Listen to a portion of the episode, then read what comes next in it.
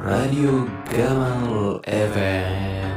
Halo semuanya, selamat datang di Radio Gamal FM. Gimana hari ini? Apa udah pada kan gue gak bisa. Itu dia suara dari jurnalis dari salah satu televisi swasta kita. Selamat datang Mania, apa kabar? Hai, baik. Apa kabar Gamal? Gue jadi malu. Suara lu, suara lu radio banget. Suara gue nggak radio banget. Bohong ini pura-pura. Kok pura-pura? Halo, selamat datang di Radio Gamal FM. Ah. Kok garing sih gue? Tidak apa-apa. Apa kabar Mania? Sudah makan belum? Ah, udah, udah makan, udah makan. Kabar gimana? Sehat? Kabar baik. Kerjaan gimana? Kerjaan baik. Lancar sepertinya. Alhamdulillah. Gua mau ngomongin tentang jurnalis-jurnalis lah Oh, di, pada gitu saat ya. milenial. Kan Ah. secara lu adalah jurnalis di salah satu televisi swasta. Eh tapi ngomongin Indonesia. jurnalis hari gini semua orang bisa jadi jurnalis. Nggak harus kerja di TV atau di kantor berita. Benar, Ya tapi kan? kan, sepertinya Netizen gitu. ya itu kan netizen adalah jurnalis amatir, sedangkan Anda profesional yang profesional itu adalah melakukan sesuatu terus dibayar. Itu kan eh, arti dari profesional. Tapi gue masih anak bawang banget, Ya Mal. anak bawang profesional tetap. Aduh, Gimana? Nggak boleh ngomong kasar di sini Boleh, ya. boleh, Oh, boleh. Boleh. Oh, boleh. Cuma nanti kalau didengar Om Deddy kan bahaya. Iya, gue pengen jadi uus biasa aja soalnya. Ah, wis biasa saja. Oke. Lu gimana sih awalnya bisa jadi jurnalis tuh, Mei? Awalnya, awalnya itu jurusan kuliah sih. Jurusan kuliah kan di broadcast journalism dan saat itu pas lulus masih sok-sok ideal, masih pengen kerja di eh, bidang yang kita pelajari waktu kuliah gitu. Waktu itu ngambil jurusan itu juga random sih. Sebenarnya alasan utama kalau gue flashback itu cuman karena gue ngefans sama salah satu pemain bola. Kalau boleh tahu siapa? Iya. Saya tebak sepertinya Coba. pemain Chelsea yang berambut kribo. Udah nggak di Chelsea. Tapi betul kan? Betul sekali. Adalah David Muhammad Luiz. Ya, Tapi benar? benar benar. Jadi gak itu hayalan-hayalan masa kuliah ya. Gue ngefans sama seseorang terus gue berpikir pekerjaan apa yang bisa membawa gue dekat dengan idola gue, anjas. Dan gue pikir saat itu bisa kali ya gue jadi sport jurnalis dan suatu hari akan meliput David Luiz dan jadi deket sama dia gitu. Sesimpel itu berarti. Iya. Awal itu. Awal itu karena gue ngefans itu dari zaman dia Benfica ya kan Betul. Ke Chelsea dan PSG. PSG Chelsea lagi ke Chelsea sekarang lagi. menyeberang ke musuh yaitu Arsenal. itu sedih banget pas sedih lebih sedih pas dia pindah ke PSG di tanggal 24 Mei 2013 di hari ulang tahun gue dia dipindahin ke PSG makanya gue nggak suka banget sama Jose Mourinho Jose Mourinho, oh dia yang menjual. iya tapi saat itu jadi defender termahal Betul. Anjas. Sekarang kalah oleh Harry Maguire, yaitu adalah pemain MU. Berarti sesimpel itu berarti Hmm. karena lu ingin bertemu dengan idola lu, Mm-mm. pemain bola, atlet dan lu ingin menjadi sport journalism. Iya, taunya bukan jadi sport jurnalis ternyata. Dari SMA emang lu ada cita-cita menjadi jurnalism? Jurnalis, sorry. Enggak, kalau cita-cita enggak. SMA gue random. Pengennya dulu jadi apa ya? Oh, jadi pemain basket. Anjas, sok banget ya. Ya enggak dong cita-cita gimana? Masa sosok. Itu SMA. Pas lulus SMA masuk kuliah masih dinamis, ya berubah-berubah. Kadang pengen jadi lawyer, kadang pengen jadi apa gitu. Tapi kuliah di broadcaster. iya. Kenapa kan. lawyer cita-citanya gimana? Tidak Ya, apa-apa. Namanya iya cita-cita, kan? Di- masih gitu lah labil. Nah, lu lulus langsung jadi jurnalis tuh. Lulus iya waktu itu kebetulan karena gue nya aja emang apply apply-nya di di gue milih TV sih gitu. Jadi gue apply rata-rata ke semua stasiun TV nasional. Terus yang paling nyangkut duluan yang gue ambil dan kebetulan yang nyangkut di tempat kerja gue sampai sekarang Oke. gitu. Kalau boleh tahu, why TV? Why not misalnya media cetak atau media online? Kenapa yang TV? Hmm, TV karena TV itu merangkap eh, audio dan visual ya. Jadi dia butuh kalau radio cuman audio gitu, kalau online itu kadang cuman visual pakai mata doang, tapi kalau eh, menurut gue TV paket lengkap gitu. Terus juga dulu magang ya waktu gue masih kuliah internnya di TV. Jadi lebih bisa bikin beritanya kayaknya enak berita TV deh gitu kayak udah udah nemu celahnya gitu loh. Oh, berarti emang sepertinya karena dari magang, oh udah nih bulat, sepertinya saya akan Iya. kerja di TV. Gitu kira-kira kira-kira gitulah. Iyalah, ya nggak apa-apa. Namanya kita orang bercerita. Tapi jurnalis di TV itu kan gue taunya lu itu munculnya di TV ya, di sebagai Hmm. reporter. Reporter itu nyari berita sendiri nggak sih? Apa ada dari tim kreatifnya misalnya? Hmm. Oke Mei, kamu tolong liput di sana, liput Iya. di sana. Apa lo yang membuat berita itu sendiri? Ya itu pertanyaan dari kebanyakan orang awam ya. Jadi kalau di TV itu kita punya tim sama halnya di di media-media yang lain mungkin online. Hierarkinya itu namanya tim liputan, reporter, biasanya bersama kameramen. Kita itu punya atasan namanya korlip, koordinator liputan. Dan mereka lah yang tiap malam tuh mapping buat kita. Biasanya lagi isu apa nih yang lagi kencang seminggu ini punya agenda setting biasanya masing-masing TV kita mau mainin tentang tema uh, virus corona ya atau enggak misalnya tentang ketua PSSI baru atau ya semacam kayak gitu jadi di, di mapping dulu sama koordinator liputan gitu Lalu elunya di situ menerima langsung dari korlip. Iya, jadi gue sebagai eksekutor lah gitu. Eh saat di TKP, tapi kadang ada banyak hal yang gak sesuai, misalnya atau yang berubah gitu. Misalnya gue pernah lagi ada di eh ngeliput soal kecelakaan gitu ya. Eh sorry, ngeliput soal eh kenaikan harga pangan kayak Oh, gitu-gitu. oke. Tahu-tahu di hari itu di detik itu ada kecelakaan di depan gue langsung gitu dan itu berdampak besar. Misalnya gue ngeliput pasar di deket eh, apa rel kereta dan Oke. ada kecelakaan mobil tabrak kereta. Itu biasanya bisa langsung bergeser saat itu juga gitu. Langsung tembak. berarti. Iya. Tapi yang itunya jadi nurun eh apa? Importantnya yang Iya. tadi kasus itu. Iya ya, jadi yang liputan sebelumnya yang mulanya tentang itu jadi jadi ya udah berpindah tema liputan aja gitu. Oh. Lu berarti awal di TV PD apa enggak tuh? ya enggak lah. Semua orang biasanya ya pasti namanya pertama kan selalu ada yang pertama, ya. Jadi yang namanya pertama kali pasti nervous parah gitu yang karena lo belum pernah melakukan sesuatu yang hal yang lo lakuin sekarang ini. Kalau boleh tahu, lu repot liputan pertama di acara apa tuh? Maksudnya di kejadian apa tuh? Gue liputan pertama itu di kamar mayat. Kamar Jadi- mayat. sangat interesting. Silakan cerita. Ya.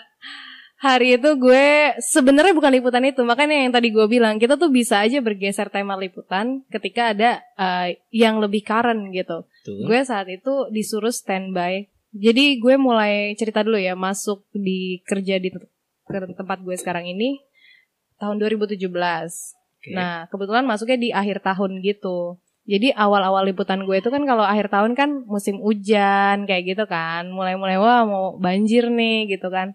Gue disuruh standby di wilayah Kemang di Jaksel buat cari banjir, cari genangan ya kan. Oh, kan kayaknya udah di forecast ini bakal banjir daerah situ. Iya, iya. Jadi yang terindikasi paling kuat banjir di mana sih di Jakarta ya kan? Biasanya di daerah-daerah situ. Terus udah gue nyampe lah di Kemang sama tim gue. Taunya di daerah eh, timur gue lupa ya, tapi di rumah sakit Polri saat itu ada dilariin mayat baru banget eh, Meninggal. meninggal heeh, dari terminal Kampung Rambutan apa terminal mana gitu. Dilariin lah ke situ buat diotopsi eh, kenapa nih ditemukan ada mayat gitu kan. Ya udah gue padahal lokasinya nggak terdekat juga sih. Cuma karena gue yang saat itu belum ada apa-apa di Kemang, akhirnya tim gue yang digeser Oh. gitu. Lu gimana tuh? Kan udah persiapannya tentang banjir, materi lu pasti di otak banjir. Iya. Digeser langsung ke mayat. Iya, makanya di situ saat langsung gue tanya dulu nih, ini ada ada apa nih mas gitu kan katakan gue ada bandeng gitu sebutannya bandeng Kenapa banget?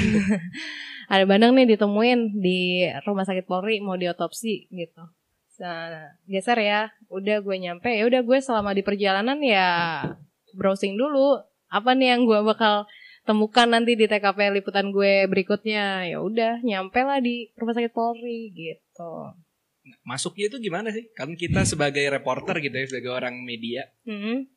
Lu sih bukan kita. Lu orang media, lu masuk tuh langsung masuk ya. Saya dari swasta, TV swasta ingin meliput gitu aja, simpel Iya. itu.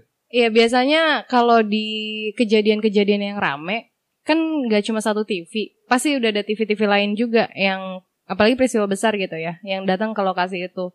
Jadi saat kita sampai, ya mungkin dari pihak TKP-nya gitu, misal di situ saat itu rumah sakit Polri dari security, tukang parkir sampai ke administrasi di dalam-dalam tuh udah paham gitu. Oh ada media karena ada ada pembunuhan nih baru aja. Karena kalau rumah sakit Polri itu udah menjadi lokasi yang biasa buat eh diliput gitu karena banyak banget kasus-kasus pasti dilariinnya ke sana kayak Oh. gitu. Berarti kalau emang seperti itu ya udah siapa emang harus cepet ya adaptasinya. Udah gini tek tek tek tek harus bisa. Iya, dan pasti orang-orang di situ udah paham gitu lah. Kita tinggal ya ya izin Mbak, Mas ya. Kita dari MNC ya kesebut deh. kalau yang lu itu ngeliput live apa tapping? Jadi tergantung kebutuhannya gitu. Kalau kita mau live, biasanya gue eh, ke lokasi liputan ini bawa alat namanya live view. Live itu bisa kayak cuma tas ransel kecil. Kalau sekarang tuh udah canggih kan. Kalau yang dulu tuh mobil bukan sih yang ada parabola? Itu SNG. SNG masih ada sampai sekarang. SNG sama sorry yang lu Live view, live view atau. AVWest. Jadi lo kalau perhatiin teman-teman media di lokasi itu, mereka tuh kalau bawa kayak tas gemblok, kameramennya itu namanya alat buat live view, pakai modem. Jadi Oh. eh, untuk tembak sinyal juga gitu loh, biar bisa live. Nah kalau SNG bedanya itu dia sinyalnya pasti kuat karena dia kan ya Satelit. parabola, Parabola. heeh, gitu satelit kan, mobil satelit itu pasti kita yang live view pasti kalah sinyalnya sama yang SNG gitu. Nah live view itu eh, kalau gue hari itu bawa live view berarti gue harus eh, masuk ke plottingan live. Plottingan live itu maksudnya yang udah harus live di titik-titik mana nih gitu buat naik berita hari ini gitu. Kan biasanya kalau lu di live itu paling cuman 30 detik, 5 menit lah paling lama. Paling lama Paling ya. lama menit paling cepet ya deket. Heeh. Persiapan itu berapa lama sih untuk bisa tampil di 5 menit itu? Kalau boleh tahu keseharian lu sebagai jurnalis lapangan, bisa bilang jurnalis lapangan gak sih? Iya. Lima menit itu waktu yang mewah buat gue ya. Karena panjang banget dan gak mudah kalau lu ngeliat nonton itu gampang banget ngejudge-nya kan kayak nih orang ngomong apaan sih gitu. Padahal yang kita lakukan itu nggak semudah itu ketika udah di depan kamera, udah megang cube. Nah, Cube itu Ah. apa? Mic ya? Eh, ya hand mic. Terus udah eh, apa namanya di sebelum kita live itu kita biasa dikasih estimasi nih waktu estimasi live jam 11.35 running di program siang ya gitu kan. Itu dikasih taunya dari pagi sih nggak dadakan. Oke gitu. Gue oke dan gue langsung cari materi gue dulu. Ya biasalah standar 5W1H. Gue ke paling deket ini gue kemarin abis dari bandara ngeliput soal corona. Oke. Heeh. Jadi di terminal kedatangan turis-turis asing yang utamanya dari Cina ini gimana mereka diperiksa gimana gitu kan ya udah eh gue cari dari paling terkininya dulu nih paling terkini misalnya ya pihak KKP KKP itu kantor kesehatan pelabuhan Soekarno Hatta di bawah Kementerian Kesehatan kini telah mendeteksi gitu adanya mungkin eh, beberapa turis yang dicurigai memiliki indikasi bla bla bla Oh, oke. kayak gitu. Barulah yang ke nilai-nilai lain, poin-poin lain tentang corona gitu. Kalau yang kayak ke lapangan seperti itu, lu nembak, nembak narasumber. Iya dong, iya. Karena kan mereka yang jadi apa ya? Jadi inian gue, pusat eh, datanya gue gitu, data gue buat di lapangan gue nanyanya harus ke siapa nih? Misalnya pihak imigrasi kah, pihak eh, angkasa pura atau mungkin pihak dari Kemenkes tadi gitu. Jadi mereka lah sumber data gue gitu. Jadi ngomong misalkan ada hal yang simpang siur, gue bisa sampaikan di live gue itu bahwa uh, menurut data dari Kementerian Kesehatan bahwa sampai dengan hari ini belum uh, warga Indonesia yang berada di Cina masih uh, belum ada yang terdeteksi virus corona gitu. Oh. Gue kira emang udah kita kalau sebelum pergi sampai ke tempat tadi TKP kita udah mendapatkan narasumbernya gitu misalnya hmm. mau wawancara Oh itu bisa juga, oh, bisa, bisa juga. Bisa dengan kita kontak biasanya via WhatsApp. Kalau teman-teman sama jurnalis sejauh ini gue sampai hari ini punya beberapa grup yang isinya ya rata-rata yang ada reporter TV doang kah atau reporter uh, olahraga ataupun sama TV-TV lain. Jadi kita tuh di situ sering di grup itu sering bertukar informasi terkait nomor handphonenya narasumber. Oh, nggak pelit-pelit berarti itu. Iya, kan? karena semua mencari ya sama kan tugas kita kan cari informasi kayak gitu-gitu ya. masih ada yang ngekip-ngekip gitu. Misalnya biar kita duluan ntar share belakangan. Enggak. Enggak, tapi sepertinya ada tidak diceritakan. Karena kerjaan kita sama-sama aja di lapangan mau itu beda bendera ya, ada banyak bendera TV berita atau TV non berita itu pasti uh, karena kita tuh flow kerjanya sama jadi saling sharing aja gitu yang paling berkesan berkesannya ini yang positif lo ya. Selama lu menjadi reporter lapangan apa tuh Mei kalau boleh tahu? Paling berkesan ya. Saya tiba-tiba di dikalungin bunga apa dikasih dua ratus ribu apa dikasih apa ya kan? Sampai hari tahu. ini liputan peristiwa besar buat gue yang paling berkesan itu saat ngeliput kampanye kampanye calon wakil presiden 01 saat itu. Yang sekarang jadi RI 2 karena ada di momen kampanye itu adalah momen 4 tahun sekali kan. Nggak tiap hari terjadi. Dan di situ gue merasakan langsung uh, apa vibe-nya kampanye. Terus uh, mereka itu mobilitasnya tinggi banget. Gue bisa sarapan di Jakarta makan siang di Kerawang makan malam di Bandung misalnya. Oh itu lu ngikutin yeah. bap bapak Kiai Kiai yeah, Haji Maruf Pak Maruf. Ya betul.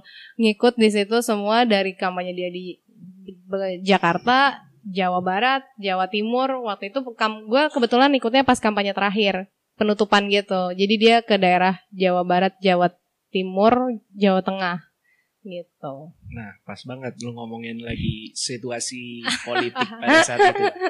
Lu sebagai wartawan merasa ada intimidasi gak sih? Wartawan, jurnalis wartawan sih, jurnalis aja Sama ya. aja ya sih. Sebagai jurnalis hmm. ada intimidasi gak sih dari pihak-pihak lain? Misalnya kan pada saat pada saat itu hmm. Pensi itu lagi tinggi 0102 ya walaupun tetangga bisa selek. Iya, betul.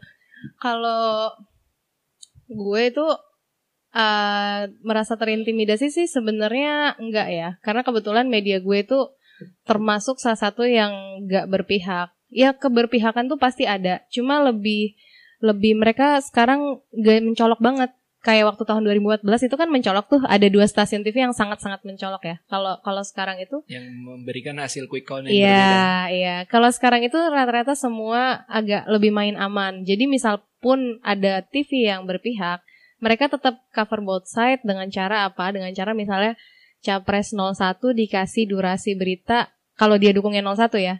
Uh, itu dikasih durasi berita 3 menit, tapi tetap ada berita tentang Capres 02 dengan durasi yang lebih sedikit gitu. Misalnya satu setengah menit doang. Oh tetap tetap uh, bisa dibilang duanya tercoverage tapi durasinya ya iya, dikit. Jadi gue nggak merasa terintimidasi sih karena nggak terlalu ber uh, baper ya sama politik ya kayak nggak penting menurut gue. Karena politik tuh nggak selamanya. Nggak ya. selamanya lo temenan nggak selamanya lo musuhan gitu. Nah, apalagi ternyata Iya kan? Tidak apa-apa. Jangan ke situ kita Kalau yang paling gak enak. Yang paling gak enak tadi itu yang paling berkesan uh, paling gak enak. iya. Paling, paling gak enak itu ketika uh, sebenarnya ini bukan gak enak sih cuman ini adalah gue kalau nggak jadi jurnalis nggak jadi wartawan gue nggak akan melakukan hal ini yaitu gue naik ke puncak gunung Bantar Gebang gitu ngapain gue ibaratnya kalau gue nggak ker karena kerjaan iya. naik-naik ke atas puncak orang uh, segabut-gabutnya orang gak bakal terpikir.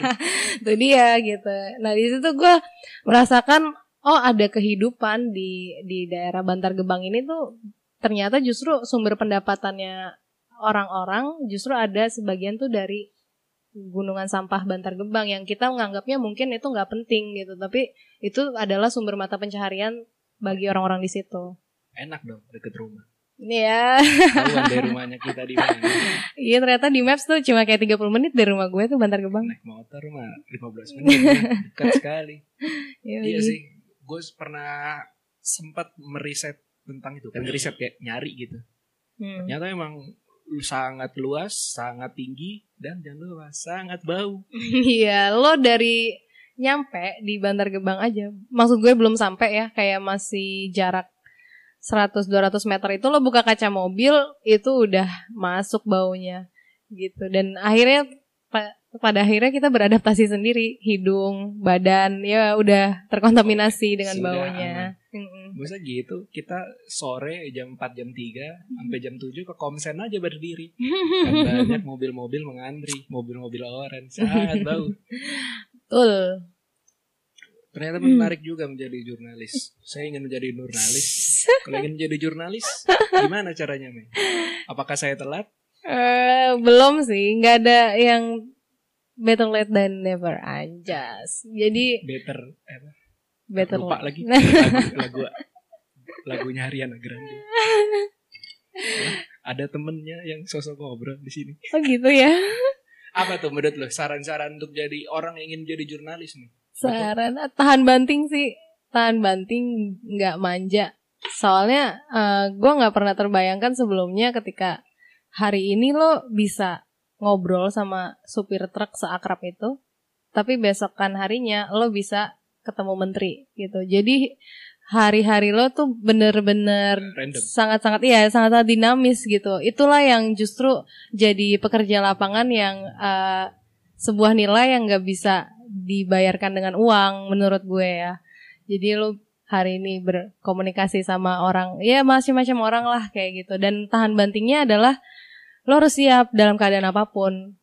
Tiba-tiba ada pesawat jatuh dan dikirim ke lokasi pesawat jatuh. Waktu itu ada Lion Air ya, Ya, baru-baru ini. yang di Jawa Barat apa? Karawang, iya. Lu bisa dikirim ke tengah laut tiba-tiba ya kan Eh, ataupun misalkan ada peristiwa besar kayak baru tahun 2020 openingnya dibuka dengan banjir ya kan dan Tapi kan Anda enak.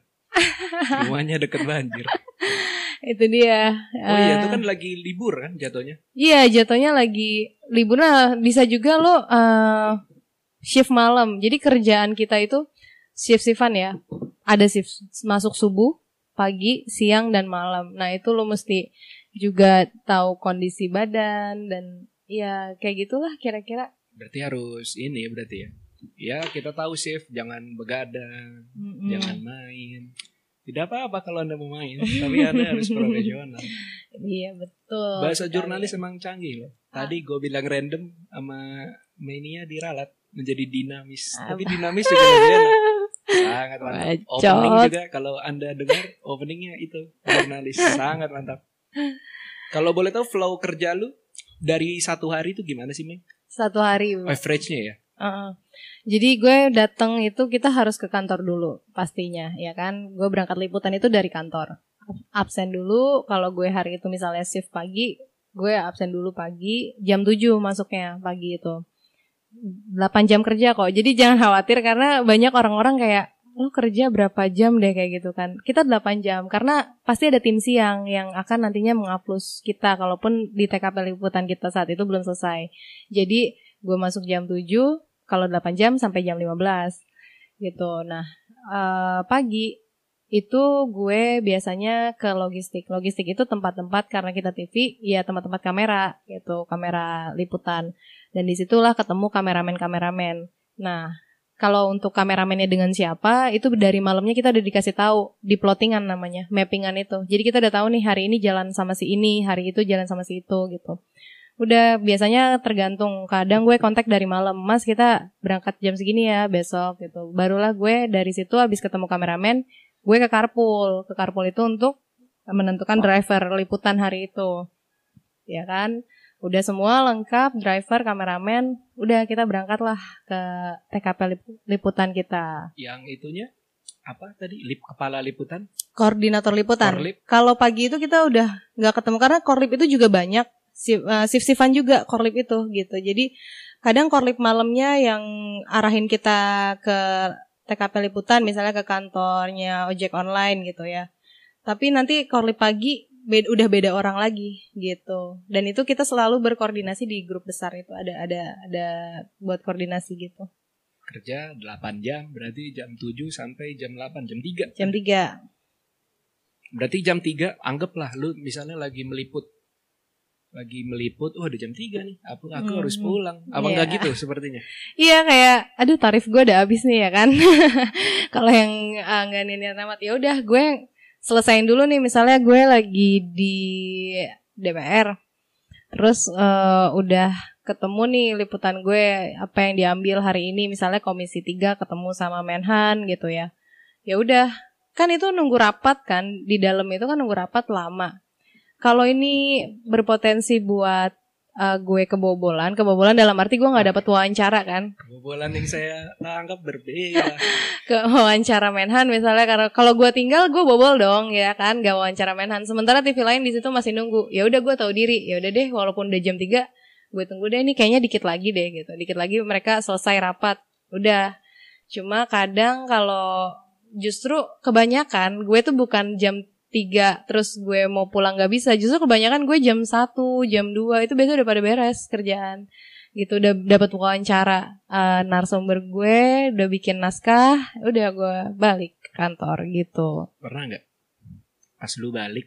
Oh lu berarti emang jam 3 maunya stay di kantor gitu. Iya. Biar waduh sudah jam 3. Anggap lu bisa jam 2 Selesai balik kantor. Cuma tiba-tiba Iya. ada kecelakaan gitu. Itu langsung insting lu. Oke, kita harus baiknya harus. Eh, enggak sih gue nggak seinisiatif itu ya karena kalau gitu. eh eh, karena gue bilang tadi ada shift siang shift siang itu masuknya jam 1 jadi gue jam 2 balik ada peristiwa-peristiwa di sekitaran jam segitu ah udah ada tim siang Oh. kalau gue kayak gitu ya kalau yang niat apalagi baru nih namanya jadi anak baru oh masih rajin banget Saya sangat semangat, Ah, ah, sangat betul berjiwa tinggi pantang pulang sebelum mendapat berita. Terima kasih Mania atas sharing-sharingnya. sama-sama. Gamaliel Gamaliel. Oh, bukan Gamaliel Jangan lupa ya Ah, teman-teman subscribe oke Spotify saya. Mania juga jangan lupa. closing nggak nih Closingan boleh dong. Suara-suara radio, suara-suara reporter. Terima kasih telah mendengarkan Radio FM. Gitu dong Oke. coba. Satu, dua, tiga. Ya pendengar itulah tadi ulasan saya bersama dengan Gamal dan terima kasih telah mendengarkan pembicaraan kita tadi yang gak seberapa itu tapi semoga bermanfaat. Selamat siang, selamat beraktivitas. Ini syutingnya malam. Selamat, selamat siang. Tidak apa-apa. Tidak apa-apa. Karena ada yang dengerin siang dan Iya, malam. iya. Kedengeran kan? Suara podcast amatir dan jurnalis Ah. profesional. Terima kasih Mania. Assalamualaikum warahmatullahi wabarakatuh.